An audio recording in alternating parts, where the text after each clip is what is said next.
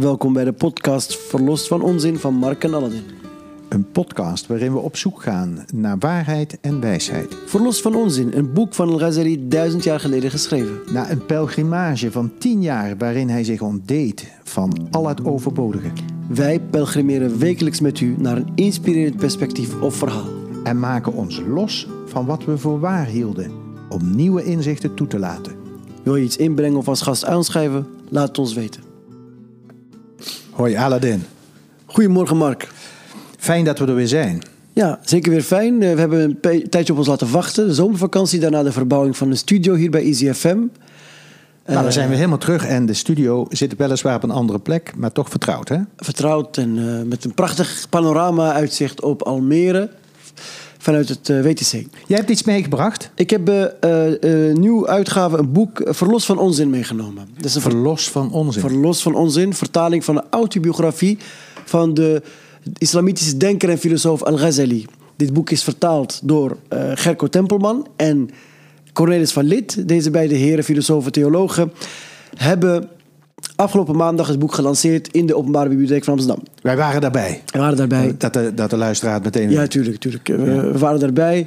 Eh, het was een hele mooie avond. Eh, Mede dankzij jou, want jij hebt er ook nog kunnen spreken. Je was gevraagd om ook iets te zeggen over dit boek. Misschien kunnen we daarmee beginnen. Ja, wat, wa- waarmee beginnen? Ja, dat je, je hebt iets, je hebt jouw gedachten uitgesproken, of jouw reflecties bij dit boek. Ja, mij is gevraagd, wat, eh, wat, wat, eh, eh, wat, heb jij te wat heeft Ghazali, of wat is, welke, wat is de boodschap, of wat is de wijsheid die we zouden kunnen eh, halen uit zijn werk en zijn, zijn oeuvre en zijn levensverhaal?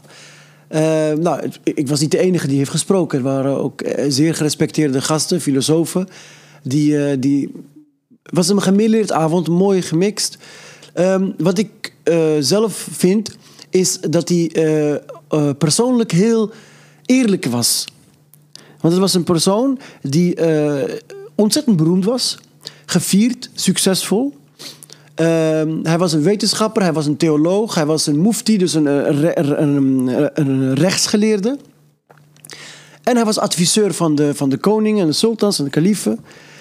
Dus eh, in die roem en in die geleerdheid, zowel religieus als, als, als wetenschap, heeft hij toch gezegd van dit doe ik allemaal voor mijn ego op een gegeven moment. Op zijn veertigste, zo, gevierd, succesvol, gezin. Kreeg hij volgens Gerco een burn-out. Ja, of ik zou zeggen een depressie.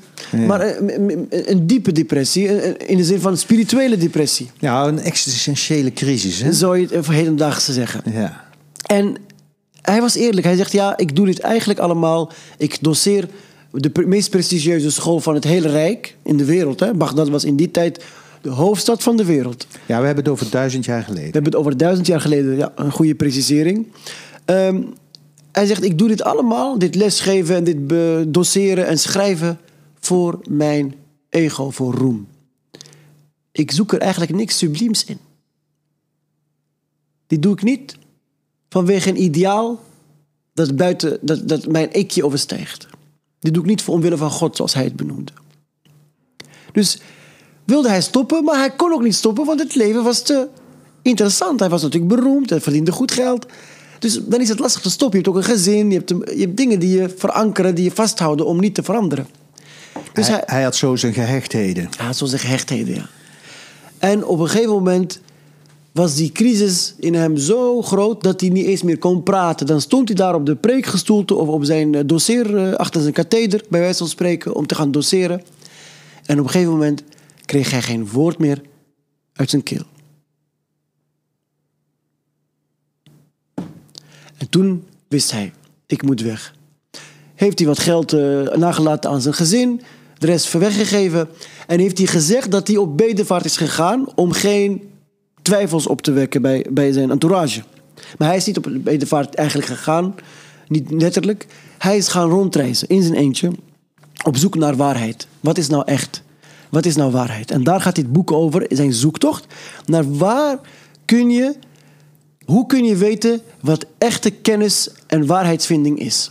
Dus zijn pelgrimage, dat heeft hem eh, verlost van onzin. Zo zou je het kunnen zeggen. Want dat boekje wat hij schrijft, dat doet hij overigens pas begreep ik... Toen hij eh, terug was. Toen hij terug was, maar eigenlijk heeft hij daar ook nog een paar jaar mee gewacht. Hè? En, eh, voordat hij dat echt kon opschrijven, wat hem dat nou heeft opgeleverd, Ja. die reis.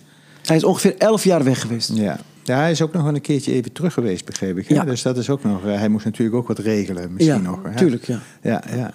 En hij reist door het Midden-Oosten, zou je kunnen zeggen. Hij reist naar Damascus, hij reist naar Jeruzalem. Hij, Ja. hij verblijft eh, bij, op een gegeven moment bij Soefi-meesters, eh, langere tijd. En, en daar leert hij tot zichzelf te komen, zo, zo mag ik dat zien. Doordat hij de, de, de, de, onzin, ja, de, de onzin staat dat voor al die materiële welvaart en, en de, de status die hij had. ehm, dat is het ook weer niet.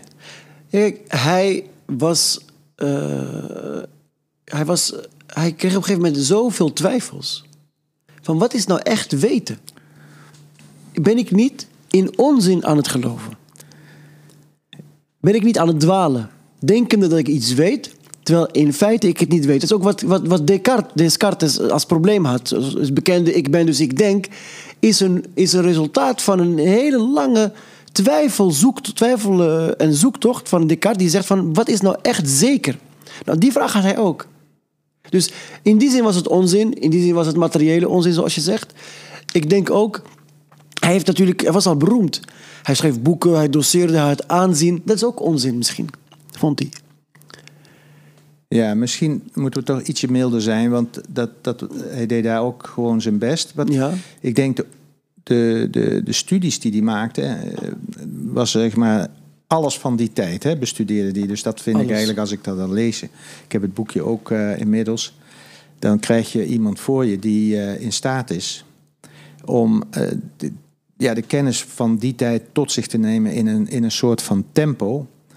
Dat je denkt, oké, eh, dat is iemand van een bijzondere intelligentie. Hè? Zeker, Ja. zeker. En hij bestudeerde dus ook eh, de Griekse wetenschappen, die op dat moment ook. Hè, maar dan moeten we misschien nog erbij vertellen, dat anders krijgen mensen een verkeerd beeld. Dat in die hoogtijdagen van, van, van, het, Bagdad. van Bagdad, dat alle kennis wereldwijd, waar, voor zover die eh, ja, beschikbaar was, naar Bagdad toe werd gehaald Ja. en waar mogelijk ook vertaald. Eh, naar het Arabisch. eh, Mhm. en daar dan weer verder onderzoek op werd gedaan. Hè? Ja. Dus de, de, de, de, de, de, de Griekse filosofie werd eigenlijk daar voortgezet. De Indiase wiskunde bijvoorbeeld. Ja, De Indische. de grammatica, Ja, ja, grammatica. alles, eh, de De taalwetenschappen. Perzische. Ja. Ja. Dus dat, ehm, dat is heel interessant om te weten. Maar hij, daar- komen we toch wel bij het punt uit. voor, voor, voor in, in zijn geval Eh, was hij eh, qua geloof verbonden met de Koran. Mhm. En hij ervaart dan op een gegeven moment een conflict tussen Mhm. wat de wetenschap zegt en wat eh, de Koran zegt. Dat zou je kunnen vergelijken met dat ook veel christenen hebben. Tussen, tussen wat de wetenschap zegt en wat de Bijbel en wat er in de Bijbel staat. Hè? Ja. En, en je krijgt het gevoel dat die hele pelgrimage van hem ertoe heeft geleid dat hij het voor zichzelf heeft weten op te lossen, dat conflict. Ja, en niet alleen voor zichzelf op een Nee. bepaalde manier. Want hij is teruggekeerd en heeft een van de belangrijkste werken geschreven in de, eh, in de islamitische geschiedenis. Dat is de, de, de hernieuwing van de religieuze wetenschappen.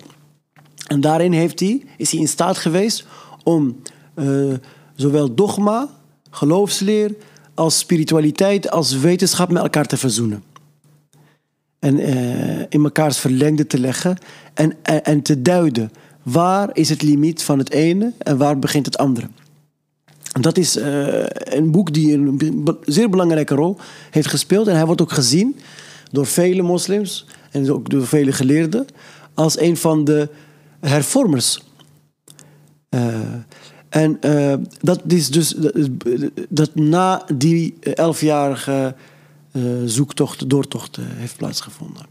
Ja, wat ik, jij noemde net al David Hume, die in de westerse filosofie bekend is naast Descartes. Hè? Ja. Ehm, en, en van hem wordt gezegd, en men weet eigenlijk niet zeker of hij het werk van Ghazali kende, maar dat hij eigenlijk tot dezelfde soort van redenering ook kwam. Hè? Met de, Ja. Zeg maar, de, het inductieprobleem, wat ook wel het inductieprobleem wordt genoemd. Hè? Dus dat, je, eh, dat je iets heel vaak ziet gebeuren.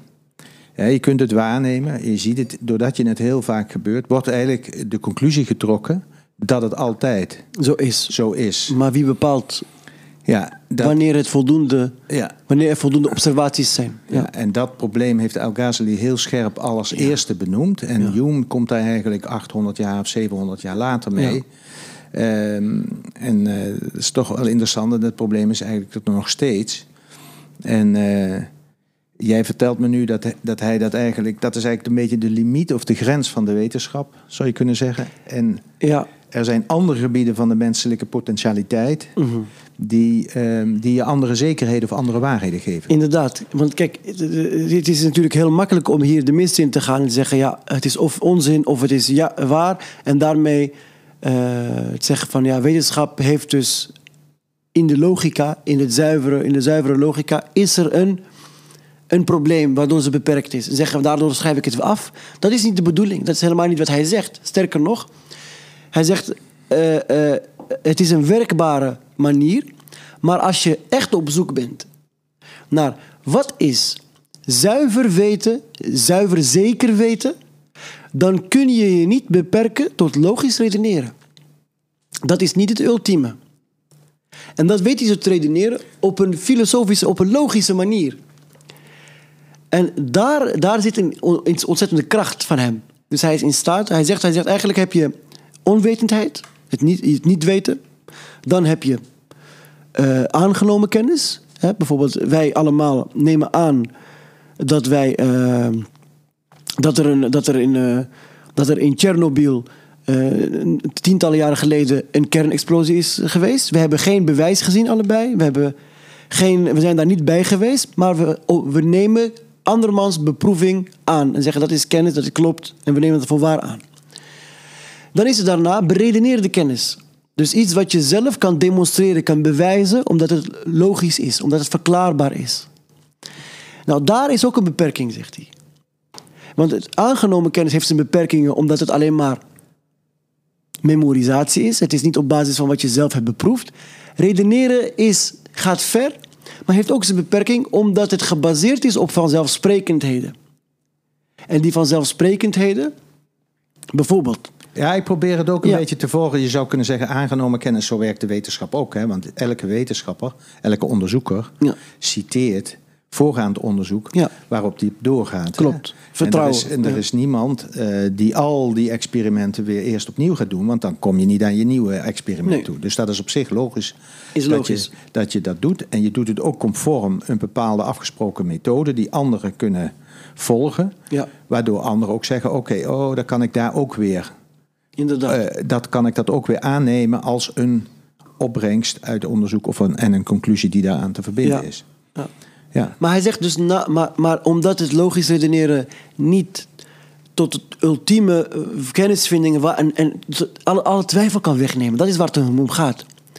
Logisch redeneren kan mij niet mijn twijfels doen wegnemen, allemaal. Dus is er iets wat daarboven staat, zegt hij. ja.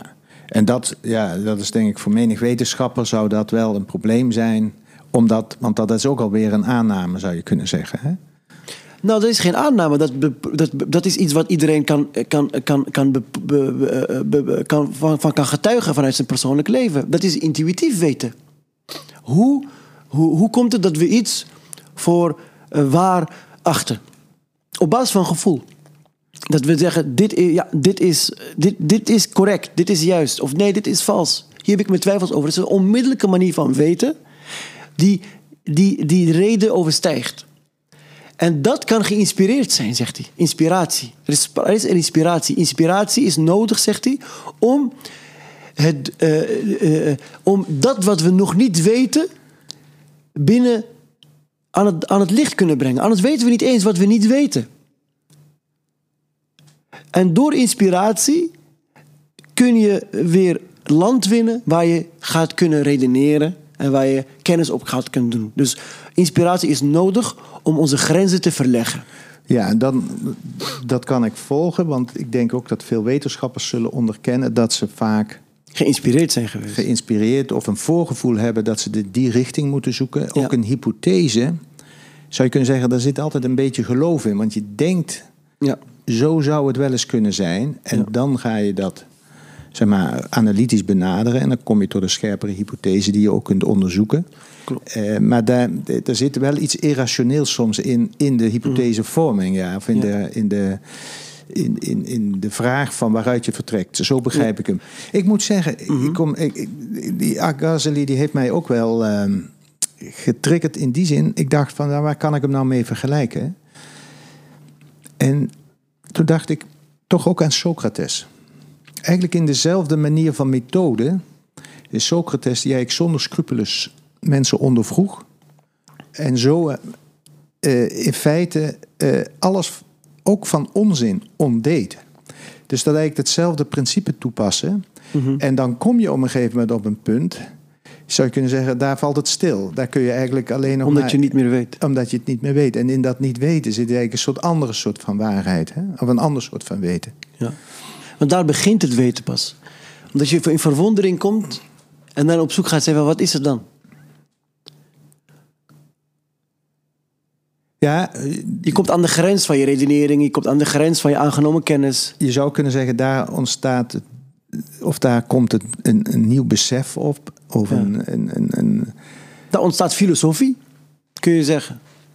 Het liefde voor wijsheid, liefde voor... ja, ik zou ja. eerder zeggen, daar ontstaat een stukje wijsheid. Dus Ja. eh, je kunt bijvoorbeeld iemand trachten deugdzaam te leven. Mhm.